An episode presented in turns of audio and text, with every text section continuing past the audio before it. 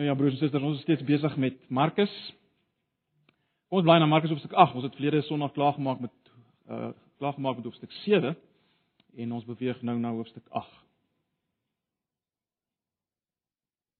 Ja, as ons die gedeeltes oop het voor ons, kom ons raak net weer stil voor die Here en vra dat hy ons sal help. Ons weet op 'n van die dag kan ons uh gedeelte uitlê en probeer oopbreek. Maar as die Here deur die werking van sy Gees nie ons aanraak daardeur nie dan uh dan sal niks gebeur nie en as ons gedrag nie verander nie en ons aanbidding nie verander nie. Daarom is ons so afhanklik van die Here om om uh ons oë oop te maak vir sy vir dit wat hy wil sê in sy woord, ons harte oop te maak, ons wil te verander. So kom ons raak net stil voor die Here. Ja Here, ons kom na U toe en ons kom erken dat ons onder U niks kan doen nie. Ons kan nie u woord predik nie, ons kan nie u woord hoor nie, ons kan dit nie gehoorsaam as u nie in ons werk deur u gees nie. En ons verwagting is van u hierdie oggend dat u iets sal doen wat ons nie kan doen nie, dat u ons sal aanraak deur u woord. U woord wat dikwels vir ons oorbekend is, ons hoor dit nie meer nie, ons sien dit nie meer nie. Ag Here, kom doen dit vanoggend. Bid dit vir myself in die eerste plek, vir elkeen van ons. Kom raak ons aan deur die woord. Doen dit deur die werking van u Gees en doen dit Here ten spyte van van wie ek is in hierdie oggend, my eie gebrokenheid en swakheid, my eie sonde. Kom doen dit op grond van die feit dat u in ons plek volkomme werk gedoen het. Op grond van die feit dat ons aan u behoort, u liggaam is, u gemeente is en u die hoof is van hierdie gemeente. Kom praat met ons, kom werk met ons. Asseblief, Here. Ons vra dit net in Jesus se naam. Amen. Nou ja, Markus hoofstuk 8.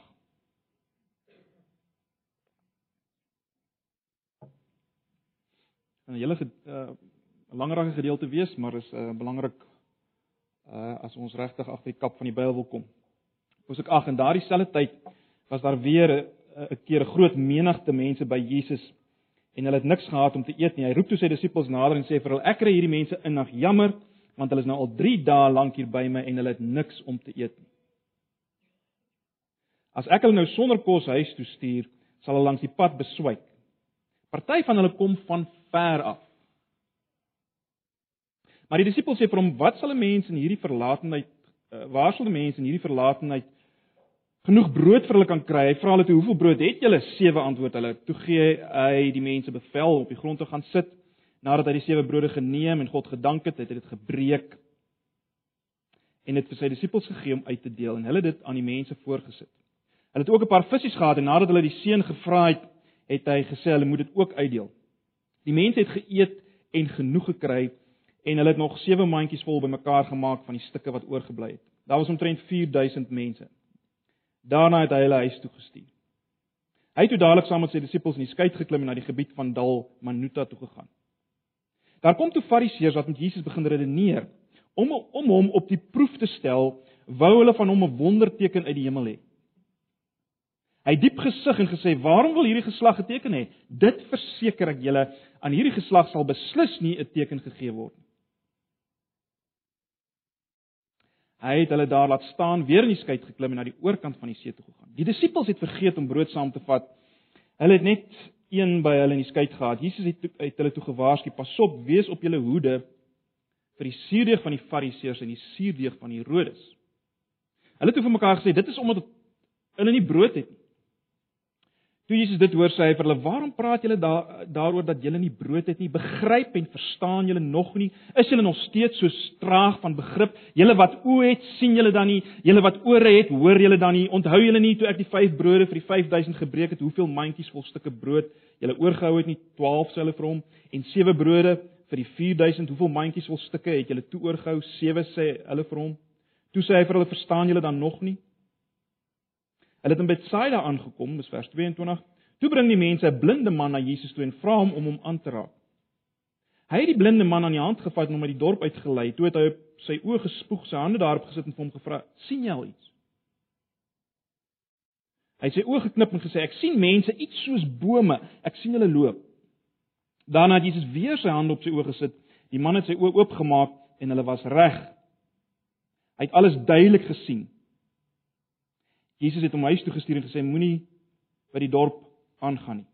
En dan wil ek net aangaan, ek weet ons het uh, gesê dis net tot by vers 26, maar ek wil tog hierdie laaste paar verse ook lees. Daarna het Jesus en sy disippels na die dorpies naby Caesarea Philippi gegaan.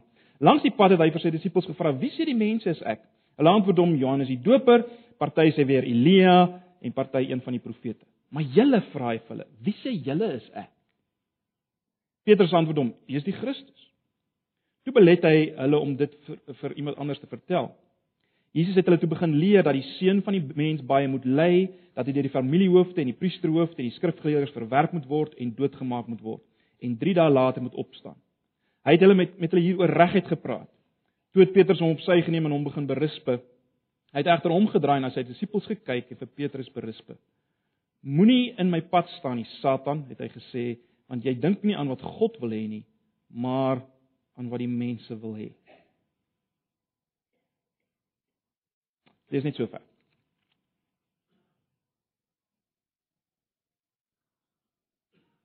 Nou broers en susters, ek dink julle sal my saamstem. 'n Halfblinde mens is 'n onseker mens. En 'n onseker mens is 'n oneffektiewe mens. Baie van julle sal weet hoe dit is om halfblind te wees. Miskien ehm uh, vir die eerste keer 'n bril moes kry voor jy dit gekry het, daai halfblindheid. Ek dink julle weet wat ek bedoel. Ek meen iemand wat nie goed kan sien nie, sal julle weet is is bang om dinge aan te pak. Hy's bang om deel te neem. Hy wil nie uit sy gemaksone uitbeweeg nie.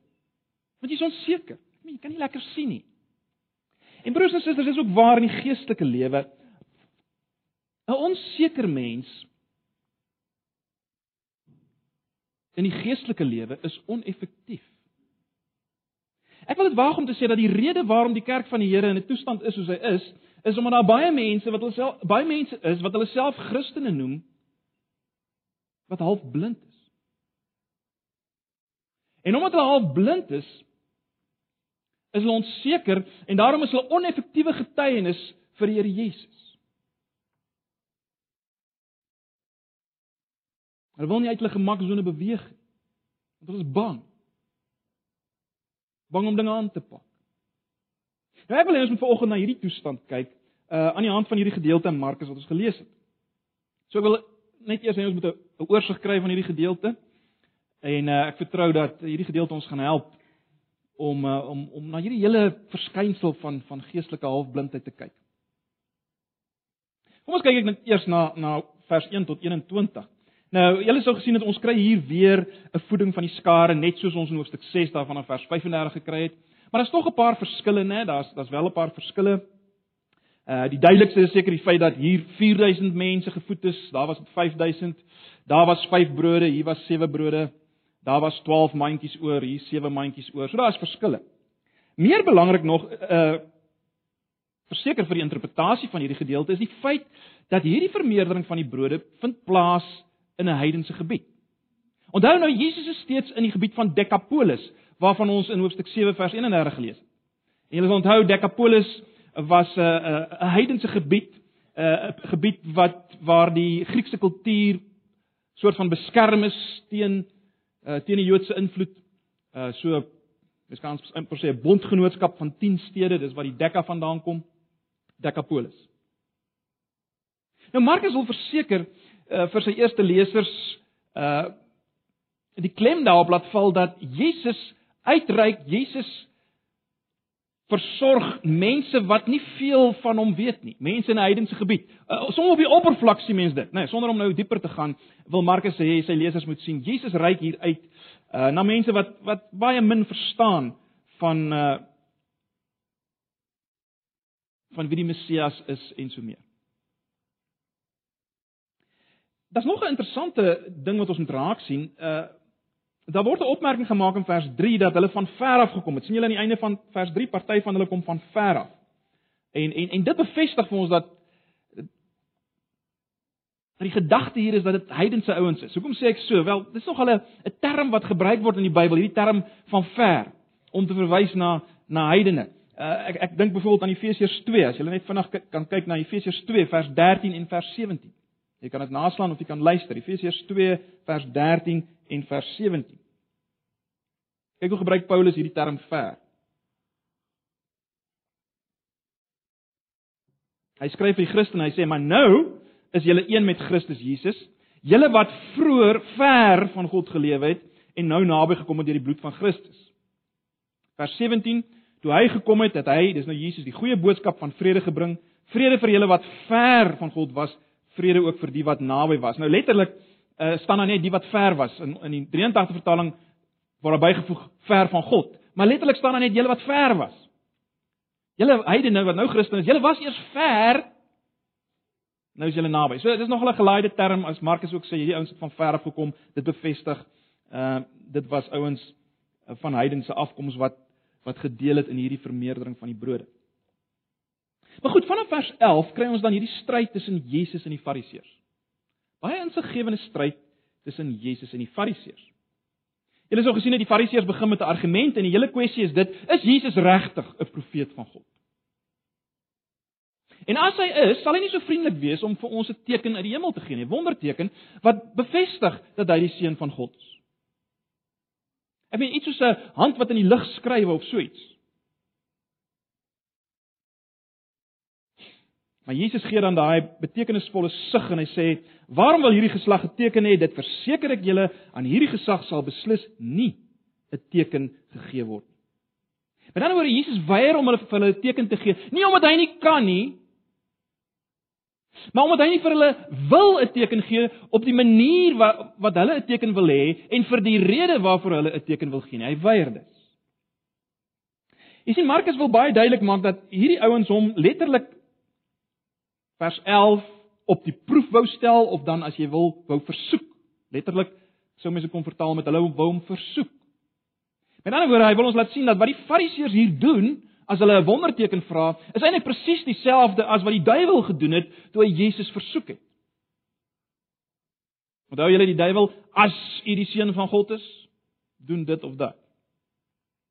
So hulle wil Jesus versoek en daarom weier Jesus. Hy weier omdat dit 'n versoeking is.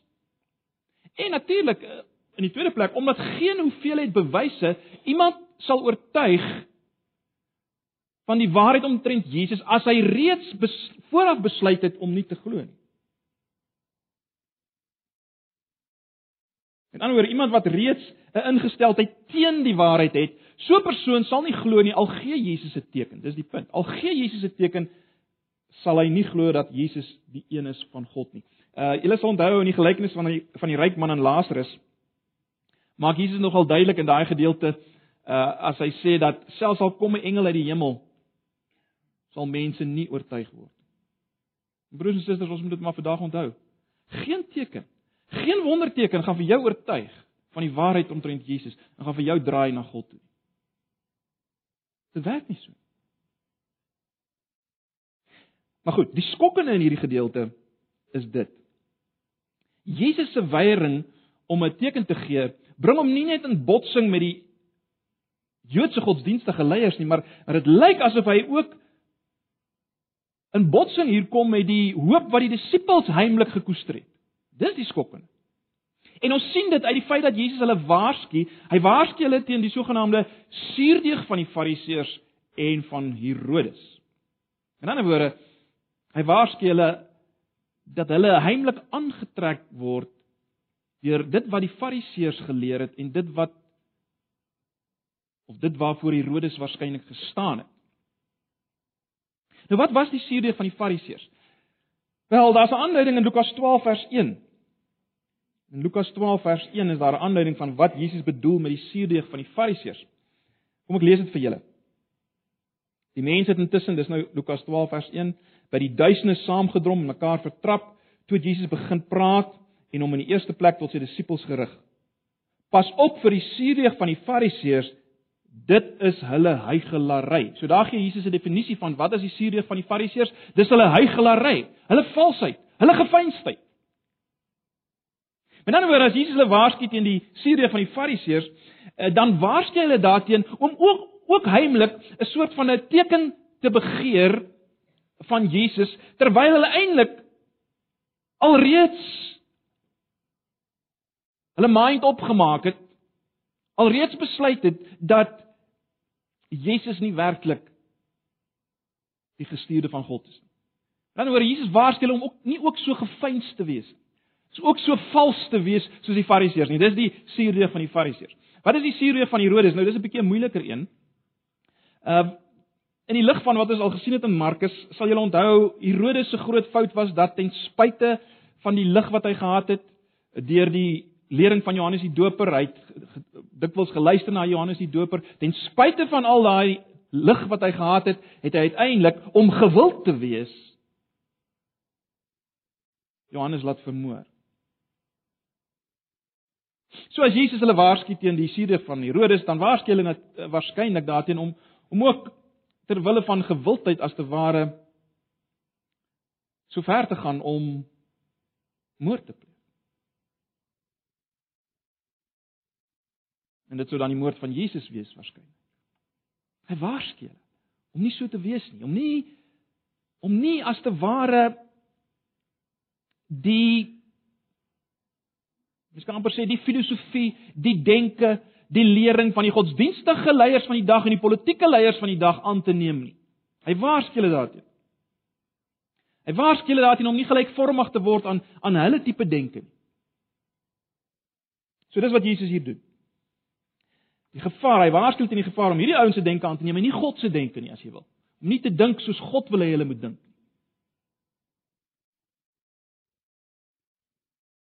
En dan sien ons dat die disippels hulle is so in hulle denke Hoekom mense dit stel? Hulle is so aards en konkreet dat toe Jesus hulle waarsku teen die suurdeeg van die Fariseërs, toe dink hulle onmiddellik, "Oef, Jesus verwys seker na die feit dat ons nie genoeg brood saam het."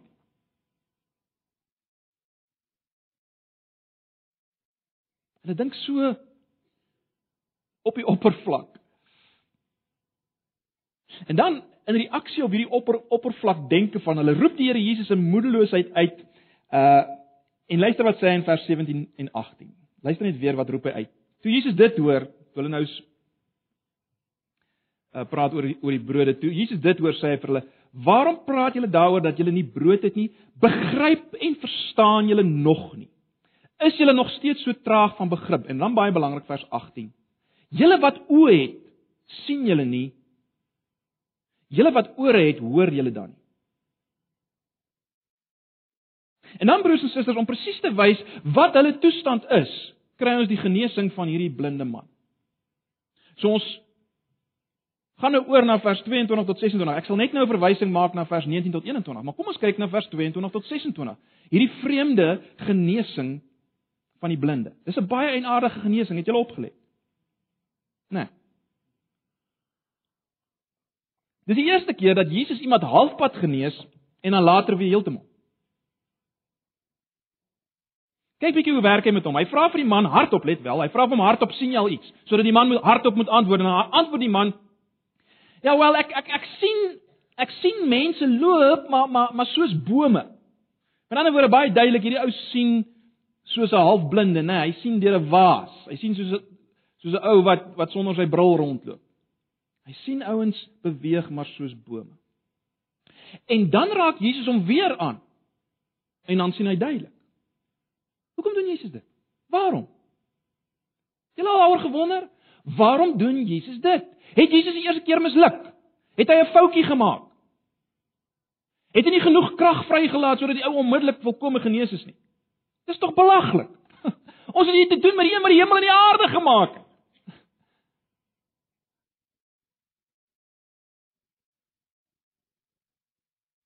Nee broers en susters, wat Jesus hier doen is baie veelzeggend.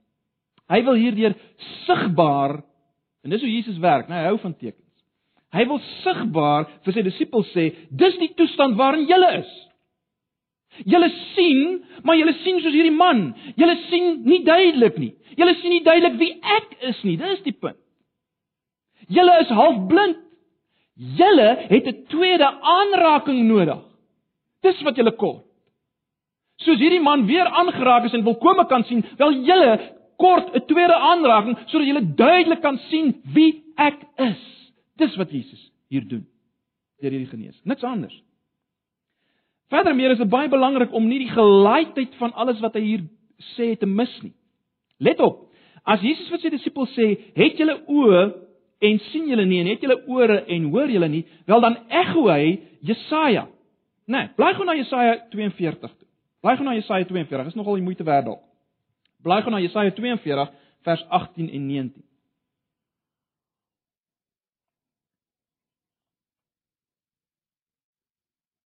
Jesaja 42 18 en 19. Natuurlik praat die Here hier met sy volk Israel, né? Nee, sy mense.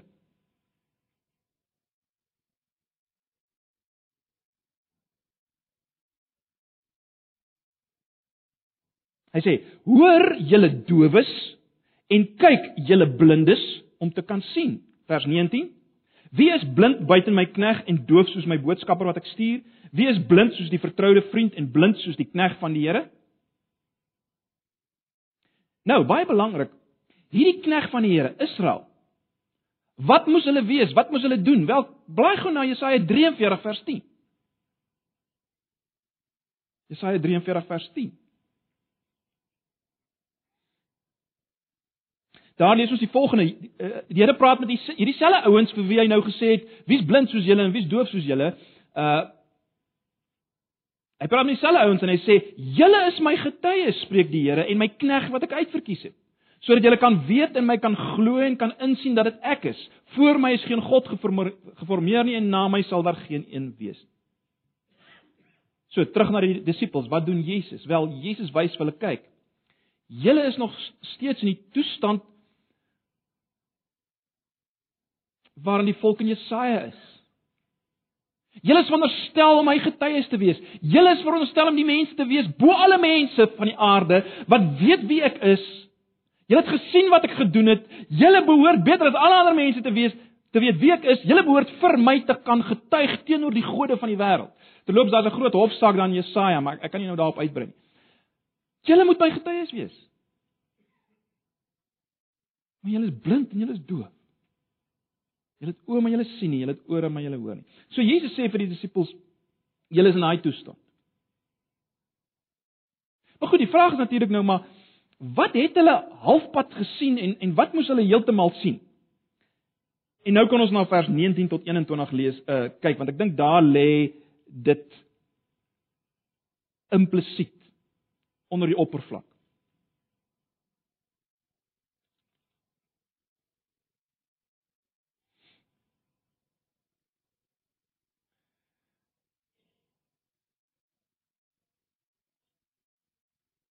Kom ons kyk ons lees maar weer vanaf vers 18. Julle wat oë het, sien julle dan nie? Julle wat ore het, hoor julle dan nie? Onthou julle nie toe ek die 5 brode vir die 5000 gebreek het, hoeveel mandjies vol stukke brood julle oorgehou het nie? 12 selle vir hom en 7 brode vir die 4000, hoeveel mandjies vol stukke het julle oorgehou? 7 selle vir hom. Toe sê hy vir hulle: "Verstaan julle dan nog nie?" Met ander woorde is baie duidelik weer eens en ons het daaroor gepraat toe ons na die vorige uh vermeerdering van die brood gekyk het. Dis baie duidelik dat hulle iets moes raak sien in hierdie vermeerdering van die brood wat hulle nie gesien het nie. Nee, dis baie duidelik dat Jesus verwag het dat hulle iets moes sien wat hulle nie gesien het nie.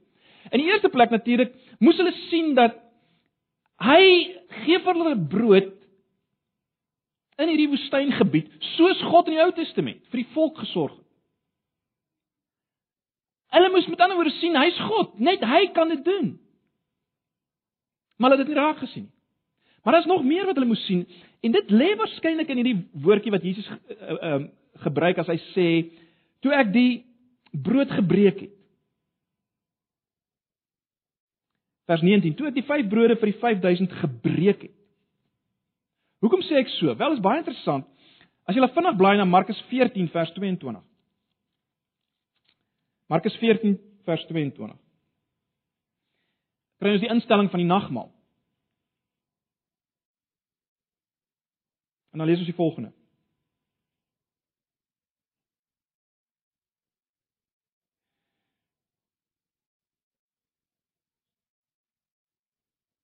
Terwyl hulle eet, het Jesus brood geneem en die seun gevra. Daarna het hy dit gebreek, dieselfde woord, né? Nee. Daarna het hy dit gebreek en vir hulle gegee met die woorde: "Neem dit, dit is my liggaam. Neem dit, dit is my liggaam." En ons weet waarna dit verwys het, né? Nee. Ons weet dit verwys na die breek van Jesus se liggaam aan die kruis. Sodat die heidene kon eet en en nooit weer uh, honger kry nie. Nou, ek weet miskien sê jy nou vir jouself, kyk Jakobus, dis dis 'n bietjie rof. Is jy seker dis wat hulle moes sien? Vat jy dit nie bietjie te ver nie? Want dit is baie interessant as mens nou kyk na dit wat verder gebeur vanaf vers 27 uh, tot 33. Het julle gesien?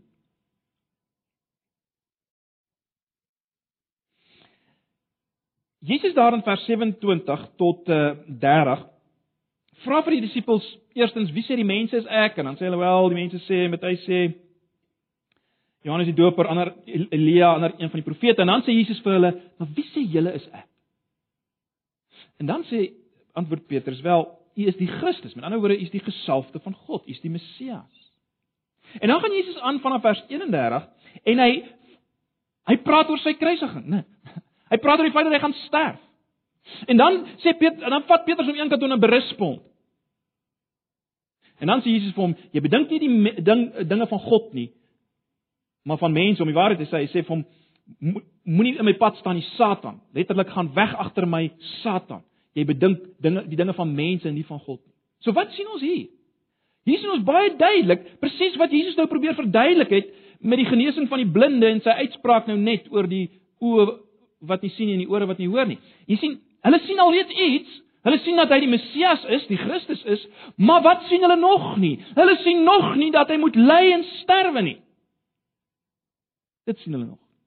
Hulle het dit nog nie raak gesien.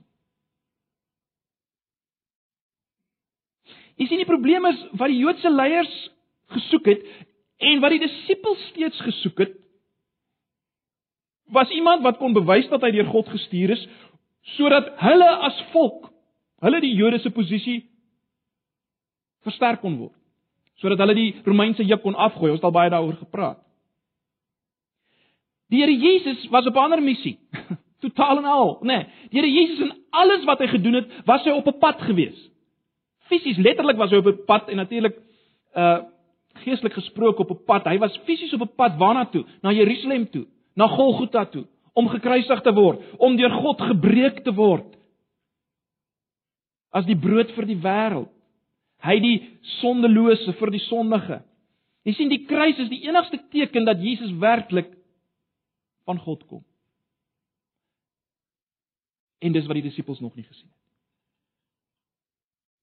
Ag as jy nog steeds dink mm, dit is 'n bietjie ver gevat. Kom ons kyk net weer na Johannes Evangelie waar al hierdie goed natuurlik baie meer eksplisiet gedoen word. Blaai gou na Johannes 6. Blaai gou na Johannes 6. Dis dis dalk die moeite werd. Johannes 6. Kyk eers na vers 30 tot 35 van Johannes 6.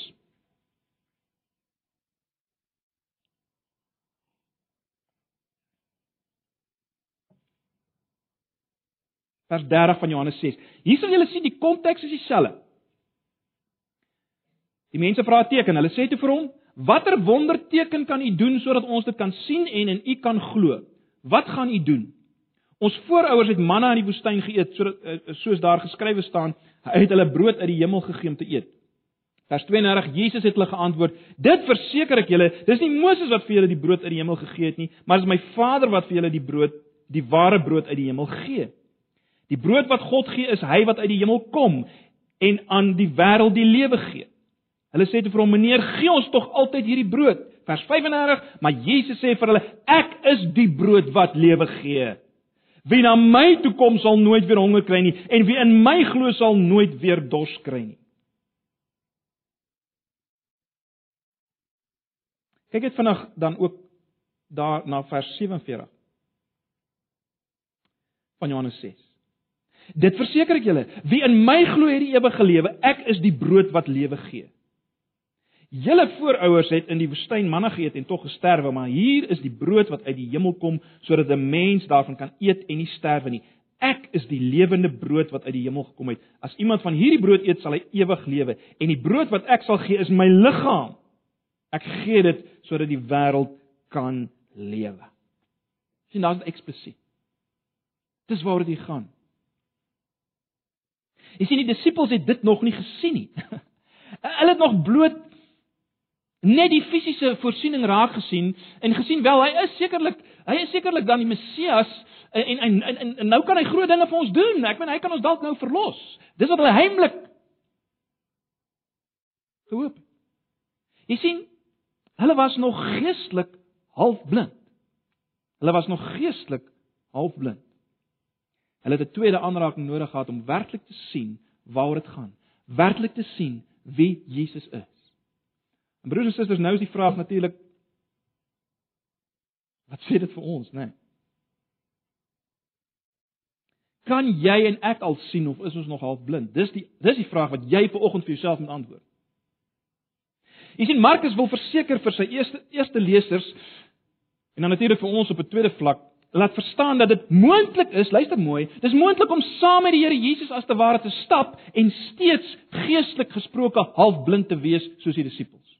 Dis moontlik om saam met die Here Jesus te stap en geestelik gesproke steeds halfblind te wees soos die disippels. Nou, onmiddellik moet ons vra, waar is Jesus nou? Hoe stap mens nou saam met Jesus? Wel, uit die aard van die saak, uh, ons het nou al baie daaroor gepraat, elke gemeente is sy liggaam. So ek dink nie ons sal te ver gaan as ons sê Markus wil laat verstaan, vir ons laat verstaan onder leiding van die Gees, dis moontlik om deel te wees van 'n gemeente soos Antipas en steeds halfblind te wees. Dis moontlik. Dis moontlik.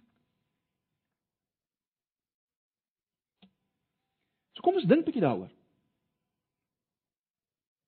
Wat sien mense vandag wat halfblind is en 'n tweede aanraking nodig het. Wat sien hulle en wat sien hulle nie? Wat sien hulle en wat sien hulle nie? Ag, en hieroor kan mens sekerlik baie praat, maar maar in die eerste plek, wat sien hulle? Wel, verseker sien hulle iets, soos hierdie man, né? Nee. Daar's vandag ook mense in gemeentes wat iets sien. Hulle sien waarskynlik iets van die leegheid van hierdie lewe. Ek meen, die die die elke dag se gaan slaap en opstaan en werk en uh geld maak en lekker eetes en fliek en koerant lees oor en oor dieselfde. Hulle sien die leegheid daarin en luister nou, hulle sien dat Jesus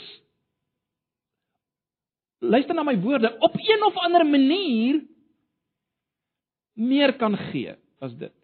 Dat Jesus op een of ander manier die antwoord is op hierdie leegheid. Dit sien hulle.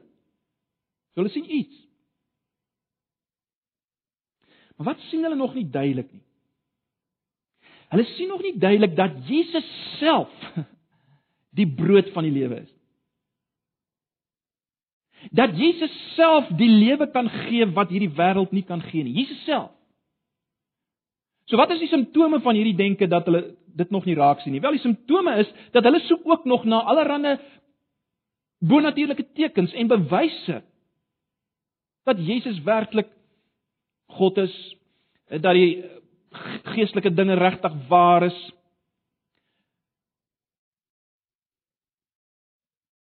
Meer nog, hulle wil graag hê Jesus moet vir hulle goed gee. Hulle is ingestel daarop dat Jesus vir hulle dinge gee. Beter posisie, meer aansien, gewildheid. Dalk selfs finansies.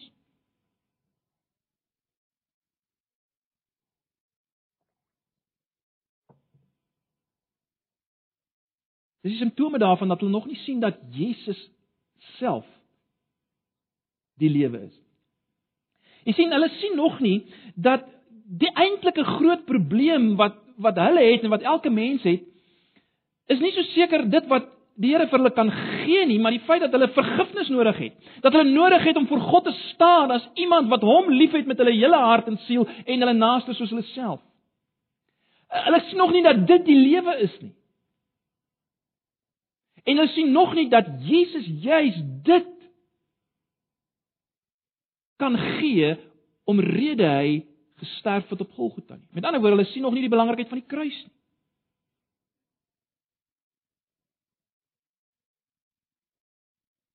Hulle sien nog nie die belangrikheid van die kruis nie. Dat dit eintlik is waaroor alles gaan nie, dit wat Jesus gedoen het in hulle plek aan die kruis. Die lewe wat hy daar verwerf het in hulle plek. En daarmee saam baie belangrik, sien hulle nog nie duidelik dat die Christelike lewe, luister mooi, dat die Christelike lewe beteken om Jesus die gekruisigde te volg op sy pad van getuie wees vir die koninkryk en en dat hierdie pad 'n kruispad is nie. Hulle sien dit nog nie duidelik. Ek sê dit weer, hulle sien nog nie dat die Christelike lewe beteken dat ek stap agter Jesus die gekruisigde aan as getuie van die koninkryk van God. En hierdie pad wat ek stap is 'n kruispad. 'n Pad waar ek moet sterf aan aan my eie planne en ideale en gewildheid. Hulle sien dit nog nie. Ja, met hulle lippe en ek hoor op julle hoor nou waaroor ons gepraat het in Markus 7, met hulle lippe bely hulle hierdie goeters, maar hulle hart is nog nie daarin nie. Dit raak nog nie hulle hulle hulle lewe nie. Die realiteit van hulle lewe nie. Die manier hoe hulle dink nie. Die manier hoe hulle leef elke dag. Dit waaraan hulle tyd spandeer. Dit waaraan hulle energie ingaan. Dit waaraan hulle geld ingaan. Dit raak dit nog.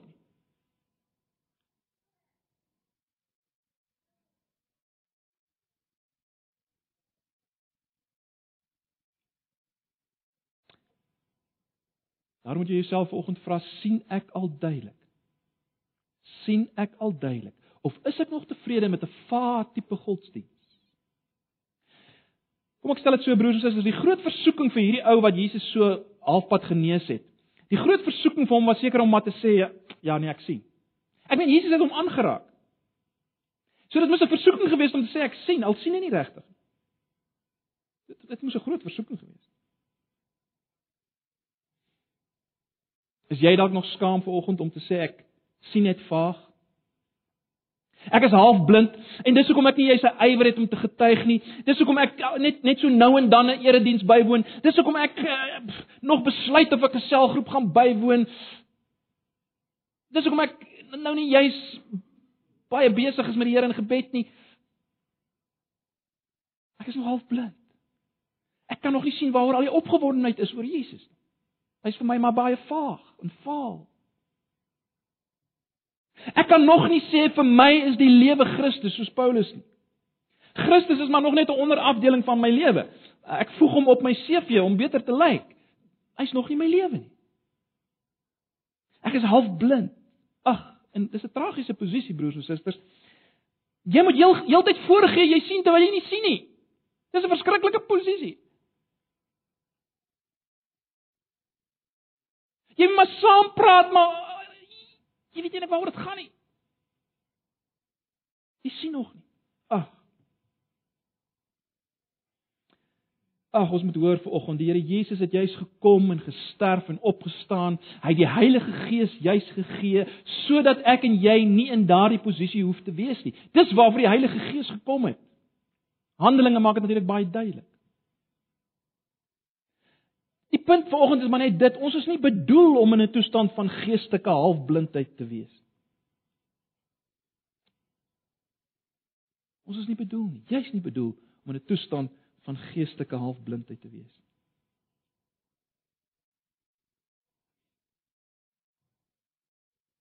Dalk is jy vanoggend hier as iemand wat nog heeltemal blind is.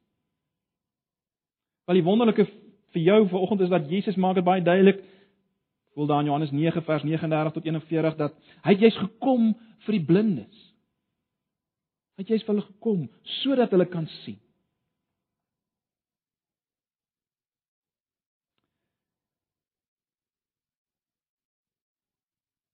Ek wil afsluit. Ek wil vra dat net waar jy sit, elkeen waar jy sit. Raak stil voor die Here. Raak eerlik met hom sê vir hom As jy vanoggend weet jy jy sien nog nie heeltemal nie, sê dit vir hom. Sê dit vir hom. En weet vanoggend hy wil jou aanraak. Hy wil hê jy moet heeltemal sien. Dis waarvoor hy gekom het, dis waarvoor die Gees gestuur is. Ag my gebed is broers en susters dat daar geen blindes en geen halfblindes onder ons sal wees nie. Eh, my gebed is en is my gebed vir myself is dat ons ten volle sal sien sodat ons effektief kan wees vir die Here. In 'n heidense gebied. 'n Heidense land waar die Here ons geplaas het. Heidense omgewings. Onder mense wat ver van die Here af is. Dink weer aan die begin van hierdie gedeelte. My gebed is dat ons soos Paulus kan sê, ek wil niks anders weet as Jesus Christus en hom as die gekruisigde nie. Vir my is die lewe Christus en die sterwe wins. Maar kom ons raak stil. Uh, ek ek gee kans vir gebed. Stort jou hart voor die Here uit. Sê vir hom. Erken net vir hom, hy weet dit. Erken vir hom wat jy sien en wat jy nie sien. Gee tyd vir gebed. Kom ons raak stil voor hom. Dalk is die rede waarom jy vanoggend half blind is omdat jy sekere sondes toelaat in jou lewe, dalk is dit nou die tyd om dit te bely te bring voor die Here.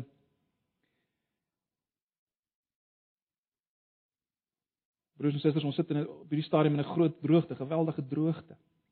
Die vraag is natuurlik, is dit nie, is dit nie as gevolg van die feit omdat so baie kinders van die Here leef met sonde in hulle lewens, in halfblindheid. Kom ons bely, kom ons bely hierdie dinge. Kom ons pleit hom ook terwyl ons besig is om te bid. Kom ons pleit hom, Here, raak ons land aan, raak my aan en raak die land aan en en en gee vir ons uitkoms. So ek, ek gee nog tyd. Kom ons raak stil en ons praat met die Here oor hierdie dinge.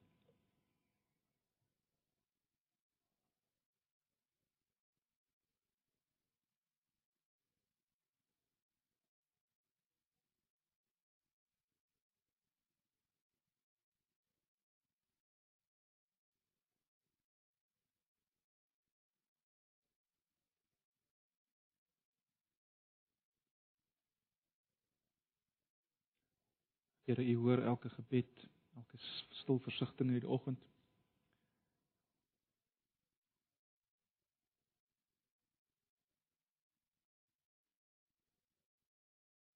Ag Here, ek wil maar net pleit dat U ons as 'n gemeente sal aanraak. Dat U ons as 'n gemeente ten volle sig sal gee. Daar waar halfblindheid is dat U ons volle sig sal gee, asseblief Here. Asseblief, raak ons aan deur die werking van die Gees. Gebruik U woord. Ja Here, sodat ons in hierdie duisternis rondom ons in 'n tyd waarin ons leef waar u 'n grap geword het, 'n stopwoord. Goddeloosheid, ligsinnigheid, oppervlakkigheid, ydelheid boetoon voer sodat ons in hierdie tyd kan getuig vir u kan sê wie u is sodat ons teenoor al die gode van die wêreld kan staan en die vinger kan wys na U as die ware God.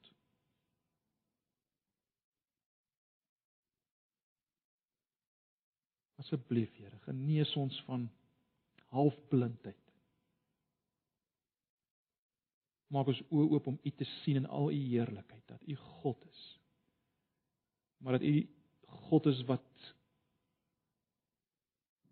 Uself laat breek het aan 'n kruis vir ons sodat ons lewe kan hê. Vergifnis kan ontvang.